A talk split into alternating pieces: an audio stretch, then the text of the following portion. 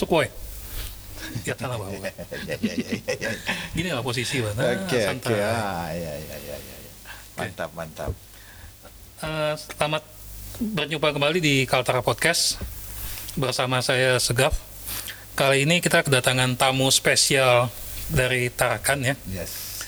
saudara Yahya Ahmad Zain. Wah.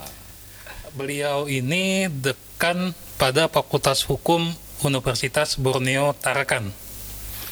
Betul. Betul. Adik angkatan.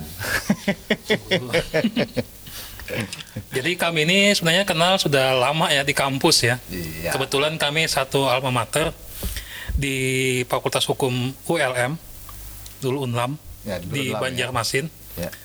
Beliau kebetulan adik angkatan, tapi memang angkatan kamu ini banyak yang sukses secara akademis ya. iya kan? Ada kau, Ah, si Boy, si Boy ya, Anang, Anang. ya, Lena. Ya. Sudah selesai kan dia punya PhD? Kayaknya sudah, kayaknya sudah. Sudah ya. Wow, nanti aku tanya si Lena lah. Nanti ditanya lah. Lena, kan ada beberapa lagi kan Ada beberapa. kalian yang jadi akademisi. Ya, kayaknya sebagian besar jadi akademisi. Alhamdulillah. Alhamdulillah. Kakak tingkatnya yang jadi kakak karuan nih.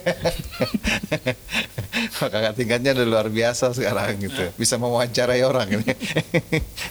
kakak tingkatnya yang masih tidak karuan nih. Jadi beliau merupakan fakultas eh, eh, fakultas lagi alumni dari Fakultas Hukum Universitas Lambung Mangkurat untuk S1 dan S2-nya. ya betul. Satu dan S2. S1 dan S2-nya di Fakultas Hukum ULM. S3-nya kemarin di mana? Universitas Islam Indonesia. UII Ya. Jogja. Jogja. Jadi untuk doktornya di UII. UI Jogja. Ya. Kemarin saudara Yahya ini juga jadi moderator ya Ya. Pilgub eh, Kaltara. Ya, debat Pilgub. Debat Pilgub Kaltara ya kemarin ya. Ya. Nah ini kita masalah pilkada adalah pemilihan kata si Surya. Nah, Bukan pil, bukan pilkada lagi. Ada lagi pemilihan. Pemilihan. Kemarin kau jadi kan kemarin Pak Yahya jadi bapak atau saudara ya? pak, dosa pak lah. Udah kelihatan tua sekali. Memang tua, oh ya gitu ya. Tapi boleh tua usia masih muda lah. Jadi kemarin jadi moderator Pilgub. Kalau secara garis besar, menurutmu kita tidak bicara persen to persen ya? Ya. Penampilan mereka kemarin gimana? Secara garis besar? Saya kira memang karena waktu itu masih gu, apa debat perdana Mhm. itu memang ya secara garis besar saya kira ya semua sudah mempersiapkan diri dengan baik dan saya kira ya jalannya lancar kan seperti yang dilihat semua semua kandidat saya lihat eh, juga bisa hadir semuanya eh, cukup bersemangat dan antusias dalam menjawab semua pertanyaan. Nah, kemarin kan mereka mem, apa, memaparkan program-program mereka nih. Ya, Ada beberapa yang semua ya. ya semua. Nah, kalau bicara dari sisi hukum dulu nih, bagaimana menurutmu program-program yang mereka tawarkan? Apa sesuai sudah sesuai kah kalau dari sisi akademisi itu? Ya, saya kira memang agak susah nih harus kalau harus menilai satu persatu ya, nanti makanya dikira. ke, ke keseluruhan saja. Ya, jadi sebagai moderator saya kira setiap pertanyaan yang sudah dilontarkan itu sudah dijawab dengan baik oleh seluruh paslon. Selebihnya saya kira biarlah publik yang akan menilai. Apakah itu sudah memenuhi eh, standar kriteria yang dibangun oleh publik atau tidak? Karena kan masing-masing masing-masing eh, pemilih itu pasti punya standar dan kriteria. Jadi saya kira sebagai moderator saya hanya mengantarkan eh, beberapa pertanyaan yang juga sudah dijawab oleh paslon dan itu nanti eh, bagaimana hati publik akan tersentuh dengan jawaban-jawaban itu saya kira biarkanlah publik nanti akan menilai. Nah, kau kan eh, kemarin berbicara sebagai seorang moderator ya. Ya. Itu pertanyaannya siapa yang bikin? Sudah ditetapkan atau gimana? Enggak, jadi ada enam segmen kan kemarin itu. Hmm. Jadi untuk segmen yang pertama memang pendalaman visi misi khusus bidang hukum memang pertanyaan dari saya Untuk bidang hukum. untuk bidang hukum. Jadi pendalaman memang dari moderator. Nah kemudian yang eh, eh, di segmen berikutnya itu ada pertanyaan dari tim perumus namanya sekarang. Oke. Kalau dulu panelis, Ya, ya. kalau sekarang eh, namanya tim perumus. Nah itu eh, pertanyaan itu dari beberapa tim perumus itu kemudian dikumpulkan eh, dan memang sangat rahasia sekali. Itu tidak saya pun tidak bisa mengakses secara langsung. eh, kemudian setelah itu nanti kan diundi, Diundi. diundi. Jadi mana pertanyaan-pertanyaan yang kemudian eh, dipilih, maka itulah yang ditanyakan. Kemarin kan berkaitan dengan COVID nih. Ya. Eh, hukum berkaitan dengan COVID. Tapi kalau sebenarnya menurutmu ya, eh, kita masalah hukum di Kaltara ini menurutmu gimana? Secara garis besar maksudnya, ada nggak masalah-masalah hukum yang menurutmu perlu sebenarnya buat diangkat yang sesuatu yang menjadi concernmu sebagai akademisi, ya? Apa sesuatu yang sedikit mengusikmu kalau masalah hukum di Kaltara nih? Saya kira memang eh, kalau bicara hukum secara keseluruhan ya, itu terutama di Kaltara lah. Di Kaltara ini kan kalau kalau saya pribadi memang sedang mengembangkan eh, konsep hukum di wilayah perbatasan. Bahkan sebenarnya eh, kalau kita lihat di Fakultas Hukum Universitas Borneo itu, itu mungkin satu-satunya yang ada konsentrasi hukum perbatasan. Itu ya? Iya, dulu kita kuliah kan nggak pernah ada dengar istilah konsentrasi hukum perbatasan gitu ya. Dulu apa ya? Ada hukum lingkungan, Ah. ada masalah bisnis kayaknya. Nah, karena memang wilayah kita ini di wilayah perbatasan, jadi eh, bahkan seluruh riset-riset eh, kita di Fakultas Hukum itu itu mencoba memang spesifikasi di wilayah Perbatasan. perbatasan itu. Nah, banyak aspek di sana. Karena eh, di bidang perdata misalnya perdagangan lintas batas. Di bidang pidana misalnya banyak kasus-kasus human trafficking kan kita tahu persis itu. Kemudian eh, ilegal illegal trading, perdagangan ilegal, kemudian eh, eh, pertambangan ilegal, kemudian macam-macam sampai eh, illegal fishing misalnya. Jadi di aspek pidana ada, di aspek tata negara wewenang-wewenang di lintas-lintas batas itu juga bisa jadi objek kajian. Jadi memang kita ingin bahwa ada spesifikasi dan spesifikasi itu sesuai dengan keberadaan kita yang memang berbatasan langsung dengan Malaysia. Jadi salah satu perbedaan antara Fakultas Hukum UBT dengan Fakultas Hukum lain salah satunya masalah eh, titik beratnya ya. Titik beratnya. Titik beratnya kalau UBT kebanyakan mungkin nggak semua ya. Ya. Salah satu titik besar. beratnya membahas masalah hukum perbatasan. Ya. Termasuk yang kita bahas tadi kah? Atau gimana? Perikanan atau lain? Iya, ya termasuk. Termasuk sebenarnya sektor-sektor perikanan eh, bagaimana sebenarnya persoalan-persoalan tadi illegal fishing, kemudian bagaimana persoalan-persoalan eh, sosial kemasyarakatan termasuk regulasi-regulasi yang dibuat oleh pemerintah daerah terkait dengan pengembangan eh, wilayah perbatasan itu juga menjadi objek kajian. Nah, kalau menurutmu kehidupan dunia kampus, terutama dalam hal ini Fakultas Hukum UBT dalam pembangunan di Kaltara gimana? Ya, saya kira memang eh, untuk Fakultas Hukum, alhamdulillah sekarang sudah sudah hampir ada di semua sektor di pemerintahan sebenarnya. Bukan hanya di pemerintahan bahkan sebenarnya sekarang ini kalau kita lihat ya mahasiswa-mahasiswa Fakultas Hukum itu bahkan sudah jadi entrepreneur pun bisa gitu. Karena memang dalam sistem kurikulum kita itu kita tidak hanya menciptakan mahasiswa-mahasiswa yang tadi misalnya jadi hakim, jaksa, kemudian eh, jadi polisi, aparat penegak hukum, tapi juga di pemerintahan juga hanya melulu misalnya di bagian hukum enggak. Sekarang sudah berkembang, saya kira di banyak sektor itu sudah sudah ada mahasiswa-mahasiswa hukum.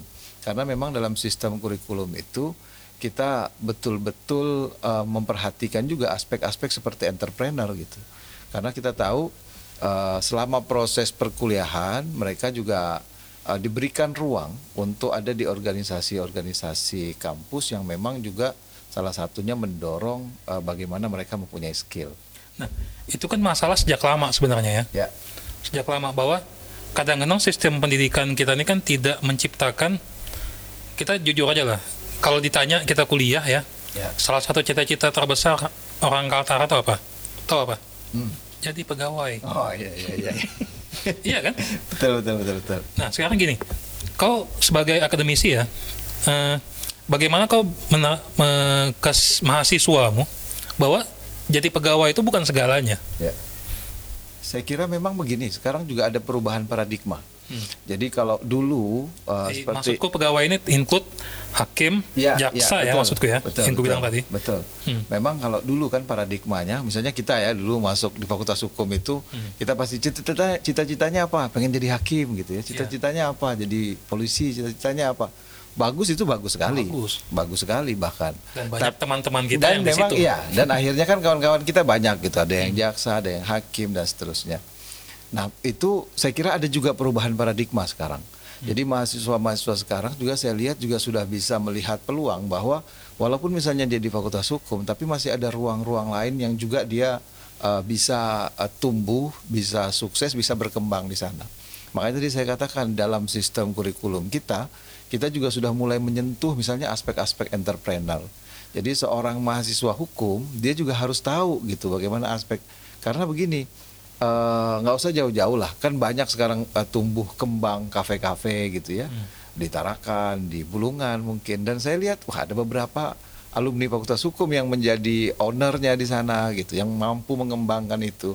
Nah walaupun memang uh, bekal bekal apa bekal entrepreneurnya minim tapi begitu di lapangan saya lihat mereka bagus-bagus sekali gitu. Jadi basic basic ilmu hukumnya mungkin ya hmm. yang uh, tahu aturan biasa membaca secara detail itu juga ternyata mampu dia membaca peluang gitu.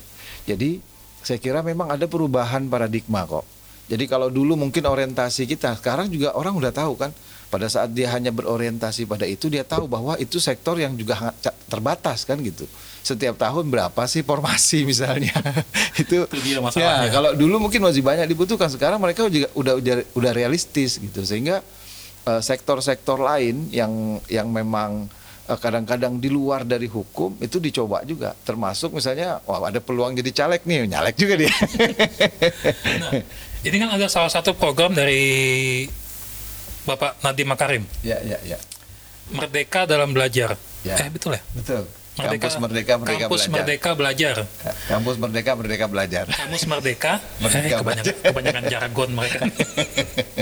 Iya kan, hobi mereka bikin jargon-jargon nggak jelas gitu kan.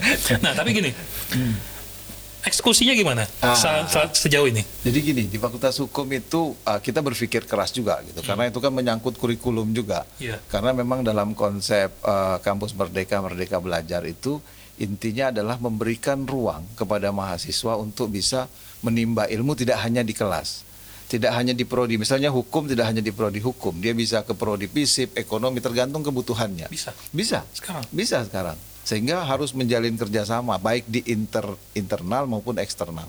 Di eksternal misalnya fakultas hukum itu kebetulan uh, kita fakultas hukum UB kan juga tergabung dalam asosiasi dekan Indonesia BKS namanya. Yeah. Badan Kerjasama Dekan se Indonesia Nah, di situ juga kita sudah mulai merumuskan. Jadi uh, terakhir itu kita coba merumuskan misalnya bisa saja mahasiswa Borneo nanti misalnya kuliah di Unhas dalam hmm. beberapa semester. Begitu juga sebaliknya. Kita bisa ke UI, kita bisa ke UGM misalnya.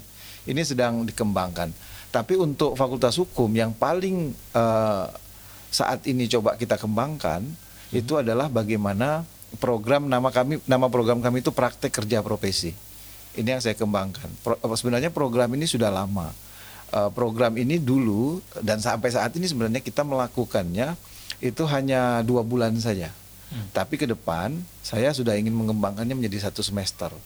Di mana mereka mereka akan uh, terjun ke lapangan, belajar di lapangan dan itu nanti akan ada penilaian dan itu uh, betul-betul terstruktur karena kita buat buku pedomannya, pedoman praktek kerja profesi, mereka mau ke institusi itu harus membuat log harian namanya, hmm. sehingga dia betul-betul uh, pada saat ada di di institusi itu, dia kemudian belajar di situ melihat paling enggak orang praktek kerja itu bagaimana sih? Kalau selama ini dia hanya melulu teori misalnya, dia kemudian bisa. Makanya tadi kenapa saya ada di sini? Kebetulan hmm. tadi siang saya sudah ngobrol dengan uh, biro hukum, biro pemerintahan, uh, kemudian uh, asisten di provinsi, itu saya tawarkan itu. Saya tawarkan bisa nggak kalau mahasiswa kami nanti satu semester di sini, dia akan bisa bantu karena ada garansi juga kan. Mahasiswa ini bukan mahasiswa baru, dia sudah ada di semester semester akhir, hmm. dia punya pengetahuan hukum. Kalau ada nanti hal-hal yang memang bisa dia bermanfaat dan dia juga bisa menambah pengetahuan, itu bagaimana? Nah rata-rata memang semuanya menerima. Nah, kita kan yang dulu ya, hmm. dulu kita mengenal ada dua hal yang seperti itu. Ya. Dulu tuh ada KKN yeah. dan PKL. Ya. Meskipun kampus kita dulu tidak menerapkan KKN. Ya, ya. magang ya dulu ya. Dulu magang. Anggaplah PKL itu ya. ya. Ya kan magang atau nah. PKL. Jadi nanti rencana UBT mm-hmm. ke depannya nanti kalau memungkinkan ya. mahasiswa nanti bakal satu semester di lapangan. Iya, satu semester. Hmm itu memang salah satu program dari pengejawantahan dari Betul. Merdeka Belajar itu. Iya, salah satu pengejawantahan. Jadi di lapangan itu bukan berarti kemudian nggak ini ya, nggak. Jadi betul-betul juga terukur, terstruktur. Makanya tadi saya bilang ada report. Nanti di di institusi itu nanti kita minta ada penyelia yang akan eh, mendampingi mereka, melihat mereka. Dan memang eh, ini konsepnya tentu saja berbeda dengan misalnya ya mohon maaf eh, yang magang di SMA misalnya. SMK. SMK ya SMK itu. itu ada. Ah, SMK kan ada kan. Nah, ini tentu saja dia berbeda lah karena dia dengan dengan pengetahuan karena dia hukum gitu ya. Dengan pengetahuan hukumnya dia akan bisa walaupun juga sebenarnya bisa lintas. Bisa lintas tidak hanya dalam institusi hukum, di perusahaan pun misalnya kalau itu kemudian eh, memenuhi standar dan dia rasa bahwa ini akan membantu dia ke depan dalam proses menghadapi tadi menghadapi tantangan, ke depan Tantangan ini. itu mereka belum tahu apa-apa. Nah, itu dia. Kalau perlu memang sebenarnya mereka belajar broadcast misalnya. Karena ya banyak juga kan seperti kawan saya ini kan. Orang hukum tapi ternyata eh, Bidangnya multimedia. bidangnya multimedia gitu. Nah, jadi hal-hal yang seperti itu sebenarnya jadi gambaran bahwa orang yang kuliah di Fakultas Hukum itu sebenarnya bisa masuk di seluruh sektor. Saya selalu bilang begitu. Bisa masuk di seluruh sektor. Nah, sekarang tugas kita adalah memfasilitasi mana yang kira-kira sektor yang menjadi keinginannya ya silakan. Mungkin dia mau di PKP-nya di eh, stasiun televisi misalnya. Ya kita upayakan bagaimana bisa ada kerjasama dengan institusi itu kemudian dia akan bisa menambah pengetahuannya. Nah, itu kan salah satunya. Ada lagi enggak yang pengejawantahan dari atau ekskul, eh, pengejawantahan dari Merdeka Belajar ini yang dicetuskan oleh Pak Nadim nih untuk bidang hukum di kampus? Sebenarnya kalau secara khusus bidang hukum enggak itu Ya, semua, itu semua. Hmm. ya itu kita yang menerjemahkan tadi saya bilang kan mulai dari sisi kurikulum bahwa ada kemungkinan dia belajar uh, Lintas sektor. lintas sektor, ada kemudian dia bisa tadi menggunakan magang atau nama di kita misalnya praktek kerja profesi.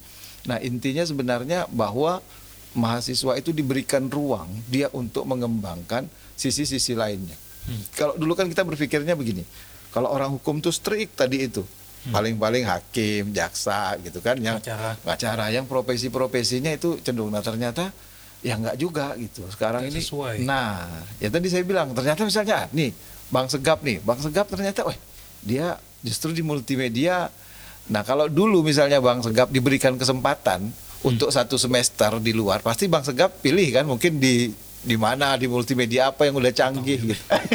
Zaman dulu kita mana Nggak seenak sekarang lah. Nah, itu maksud saya. Jadi sekarang ini dengan konsep itu sudah mulai difasilitasi.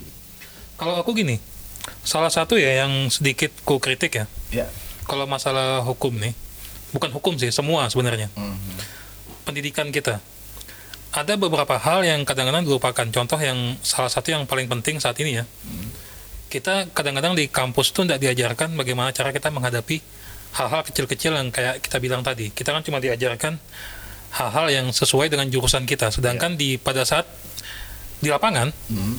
yang aku sih setuju dengan pendapatmu tadi masalah bahwa anak hukum tuh kalau bisa magang dulu gitu nah. Ya. Contoh ya ma- masalah-masalah lain, contoh kayak masalah yang harus diajari ya contohnya ya.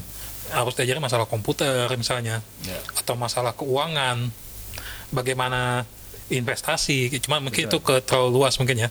Tapi memang zaman sekarang ini memang kita harus belajar semua sih. Sudah sudah nggak zamannya lagi kita cuman strict cuman di satu bidang aja. Betul. Kita harus luas di dalam bidang segala bidang. Meskipun tetap kita memiliki spesialisasi di bidang yang kita sesuai dengan jurusan kita. Betul, betul. Saya misalnya contoh begini nih. Eh, yang paling sering kita bicarakan lah soal misalnya eh, informasi dan transaksi elektronik. Hmm. Kita kan tahu bahwa ada undang-undang ITE gitu. Ya. Tapi untuk bisa memahami secara komprehensif undang-undang ITE itu, kita juga harus mengetahui bagaimana sebenarnya si transaksi elektronik itu, bagaimana polanya. Karena itu sangat penting. Orang hukum misalnya untuk tahu bahwa eh, kita misalnya belanja online ya. Coba bayangkan orang hukum untuk bisa tahu bahwa telah terjadinya perjanjian saja misalnya, itu kapan terjadinya perjanjian? Artinya kan kita harus tahu juga bahwa oh dalam sistem elektronik itu kalau kita pesan barang, kemudian kita sudah masukkan dalam keranjang misalnya kan gitu, keranjang virtual itu kan. Eh, kemudian eh, nanti kita transfer apa itu sudah mulai terjadi perjanjian Dulu tuh sempat kubahas tuh. nah, Masalah itu waktu di kampus. nah jadi Kapan sebuah transaksi terjadi? Apakah pada Betul. saat kita klik check out? ah, Apakah pada saat kita ngebayarnya? Nah, maksud saya Itu untuk contoh. ya untuk tahu itu artinya kan mereka harus terjun di dalam bidang IT itu. Jadi dia harus tahu persis gitu. Kenapa? Agar dalam dalam menganalisis hukum misalnya dia betul-betul bisa komprehensif. Dia tahu sehingga oh pada saat begini eh, terjadinya perjanjian itu maka hak dan kewajiban sudah muncul pada saat itu gitu. Sehingga kalau dia menyelesaikan kasus-kasus tertentu, dia kemudian bisa melihat itu secara komprehensif. Nah itu sekarang yang dibutuhkan itu. Makanya nggak bisa lagi seperti kacamata kuda gitu ya, ada dalam satu bidang yang itu terus. Sementara sekarang ini hampir semua bidang itu beririsan gitu. Jadi kalau terakhir nih, Hmm. kalau pesanmu buat anak-anak hukum ya, yang di, terutama di kampusmu yang selalu kau ulang-ulang ke sis, mahasiswamu, apa pesanmu yang buat kalau masalah ini, kalau di dalam kehidupan nyata? Ya, yang biasanya yang selalu saya sampaikan dalam dalam banyak kesempatan sebenarnya orang belajar hukum itu seperti belajar eh, melihat eh, air laut yang ke ketepian. Jadi kadang-kadang kita melihat tuh derut ombak. Nah, yang kita pelajari itu sebenarnya hanya bagian kecil dari air-air yang sementara sebenarnya dia bisa menjadi satu lautan yang begitu luas gitu. Artinya memang dalam perkembangan sekarang ini belajar hukum itu tidak bisa juga kita strict ansih pada satu uh, seperti kacamata kuda gitu. Kita selalu berhadapan pada pada banyak keadaan. Saya selalu bilang hukum itu tidak berada di ruang hampa. Kalau dia berada di ruang hampa mungkin kita bisa ansih saja gitu. Tapi dia akan berhadapan dan selalu dalam lingkaran ada ekonomi di sana, ada sosial, kemudian ada uh, politik, ada banyak hal. Sehingga ya mau tidak mau ya harus terus mengembangkan kemampuan harus terus bisa melihat eh, bahwa hukum itu juga dibangun dari dari apa dari satu masyarakat yang dia ada dalam satu masyarakat yang memang terus berkembang dan bergerak gitu sehingga apa kita tidak kemudian frustasi belajar hukum itu Kayaknya itu. Sebagai contoh, ingat kalau kita bicara kata tadi kan, Iya iya iya iya iya. kau terpaksa harus belajar perikanan. Ya, nah itu dia makanya. Pada saat misalnya kita bicara soal uh, undang-undang perikanan, kan supaya bisa komprehensif ya kita harus tahu juga bagaimana sih sebenarnya. Prosesnya. Iya, prosesnya dalam sistem. Walaupun sebenarnya tadi ya kita kita mungkin bisa saja menjustifikasi, oh kan kita bisa hanya melihat normanya saja, tapi kan norma itu diterapkan di di tengah-tengah masyarakat gitu. Nah ini yang saya kira sekarang paradigmanya itu kemudian menjadi penting paradigma di mana hukum tidak hanya ya tadi hanya dalam uh, bentuk norma-norma tapi juga melihat bagaimana dia ada dalam satu lingkungan masyarakat dan kemudian dia bisa ya tadi berfungsi dengan baik gitu. Oke ya, menarik sekali ya. Jadi memang ya hukum ya, meskipun aku saat ini nggak di bidang hukum lagi, jujur aja. Tapi salah satu manfaat hukum, hukum ini luas, Ya. harus kuakui. Dengan hukum kita bisa belajar semuanya, ya. Mhm.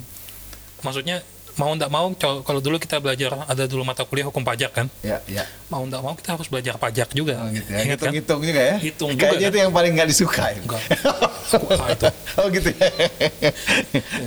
Cuman ya itu tadi. Nah sekarang terakhir nih, kita kembali lagi ke bagian depan tadi. Ya. Kalau harapanmu, eh, Kaltara secara garis besar, ini gimana setelah adanya pemilihan ini? Ya, saya kira ini eh, ini penting ini karena Kaltara kan memang kita tahu sebagai provinsi baru. Nah, eh, provinsi baru itu tentu saja banyak sekali tantangan, banyak sekali eh, peluang juga sebenarnya karena yang namanya provinsi baru itu selalu juga menjadi magnet tertentu kan untuk orang-orang tertentu. Nah, kita di kampus, saya kira kami di kampus itu berupaya semaksimal mungkin fokus dalam pengembangan sumber daya manusia. Khususnya ya tadi anak-anak Kaltara, ya secara umum sebenarnya ya juga eh, eh, Indonesia gitu. Karena memang yang masuk ke kampus juga tidak hanya anak-anak Kaltara gitu. Tapi paling tidak, saya kira sekarang eh, tanggung jawab pengelolaan sumber daya manusia itu juga ada di kampus gitu. Dan kita memang selalu eh, semaksimal mungkin untuk bisa menyiapkan semua perangkat agar sumber daya kita nggak kalah gitu.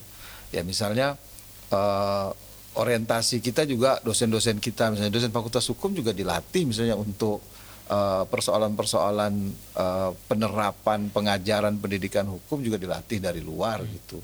Kita kerjasama terakhir dengan Maastricht University di Belanda. Profesor-profesor hebat juga mengajarkan soal PBL misalnya terhadap dosen-dosen kita. Sehingga saya selalu bilang uh, kami karena kita memang tugasnya kita bagi-bagi tugas lah kan, karena hmm. tugas kita memang di kampus dan memang fokus kita bagaimana pengembangan sumber daya manusia, maka kita berupaya semaksimal mungkin menyiapkan perangkatnya, mempersiapkan uh, seluruh fasilitasnya, kemudian tenaga kependidikannya juga kita persiapkan, dosen-dosennya juga kita maksimalkan agar apa? Ya mahasiswa-mahasiswa yang masuk di sana itu nanti outputnya juga akan baik. Nah kalau outputnya baik, maka tentu saja mereka akan berkontribusi dalam ya tadi pengelolaan provinsi Kalimantan Utara ini. Oke lah. Jadi terima kasih ya, baik. saudara Yahya sudah berkunjung di studio Kaltara TV ya. Jujur aja harus sedikit. Kayaknya syuting yang agak-agak kacau nih. Dada, masalah. Dadakan, dadakan ya. Uh, gimana ya? Sudah kelamaan bidang yang tidak sentuh soalnya. Kasihkan di multimedia. Kasihkan di multimedia. Tapi perlu loh sebenarnya anak uh, mungkin dosen gitu ya. Betul. Perlu belajar multimedia. Nah, ini juga. ini penting nih Bang. Terakhir nih. Ini kan dalam kondisi pandemi Covid-19 ini kita kemudian merasa bahwa uh, ternyata multimedia itu dibutuhkan oleh semua orang. Iya. Jadi dosen, mahasiswa. Sekarang bayangkan kita sudah dua semester ini kuliahnya daring kan. Hmm. Nah kuliah daring itu ya tadi uh, sering kawan-kawan bercanda itu, wah ini bisa-bisa yang kita kasih kuliah ini ada di mana atau lagi ngapain gitu kan? Gampang. Itu super gampang tuh. Uh, kalau kayak ngerti ya, uh aku bisa aja nah, buka begini ya. Nah, Padahal orangnya aku di belakang. Nah, itu dia, itu dia kan maksud saya itu kita kemudian wah ini kalau nggak tahu IT nih, hmm. kalau nggak tahu multimedia bisa dibohongin juga kita. Jadi seolah-olah ada menghadap kita gitu ya, hmm. padahal udah nggak tahu ke mana deh. Yang penting dia aktifkan kameranya kan gitu. Itu gampang. Nah, perlu kau ajari ke, ke mahasiswa. itu jangan jangan bahaya itu bahaya. Gampang tuh. Jadi nanti kalau ada yang mau tahu caranya gimana, silakan. Atau, atau bikin konten baru, pasti banyak yang nonton nih. Seolah-olah kuliah. Seolah-olah kuliah tapi gini maksud gue gini ini kita sedikit tambah sedikit ya uh. contoh kayak dosen perlu belajar sedikit tentang masalah multimedia tadi Kay kita kayaknya bahas bukan sedikit ya harus banyak contoh kalau misalnya ingin membuat video pembelajaran betul ya kan bagaimana cara kita membuat mikrofon yang baik betul. yang bagaimana cara membuat mungkin editing ringan yang nah, video ringan mungkin betul. itu perlu dipikirkan juga nanti betul betul karena sangat berbeda saya kira pada saat kita mengajar bertatap muka dengan banget nah dengan ber, mengajar misalnya tadi melalui dunia dunia wallahu dunia. Oke. Ya, Terima kasih buat saudara Yahya. Semoga sukses Amin, selalu ya. Sukses. Semoga kampus UBT pada umumnya dan Fakultas Hukum ya. pada khususnya dapat bisa lebih Amin. berkembang lagi. Amin. Terima kasih. Assalamualaikum warahmatullahi wabarakatuh. Waalaikumsalam.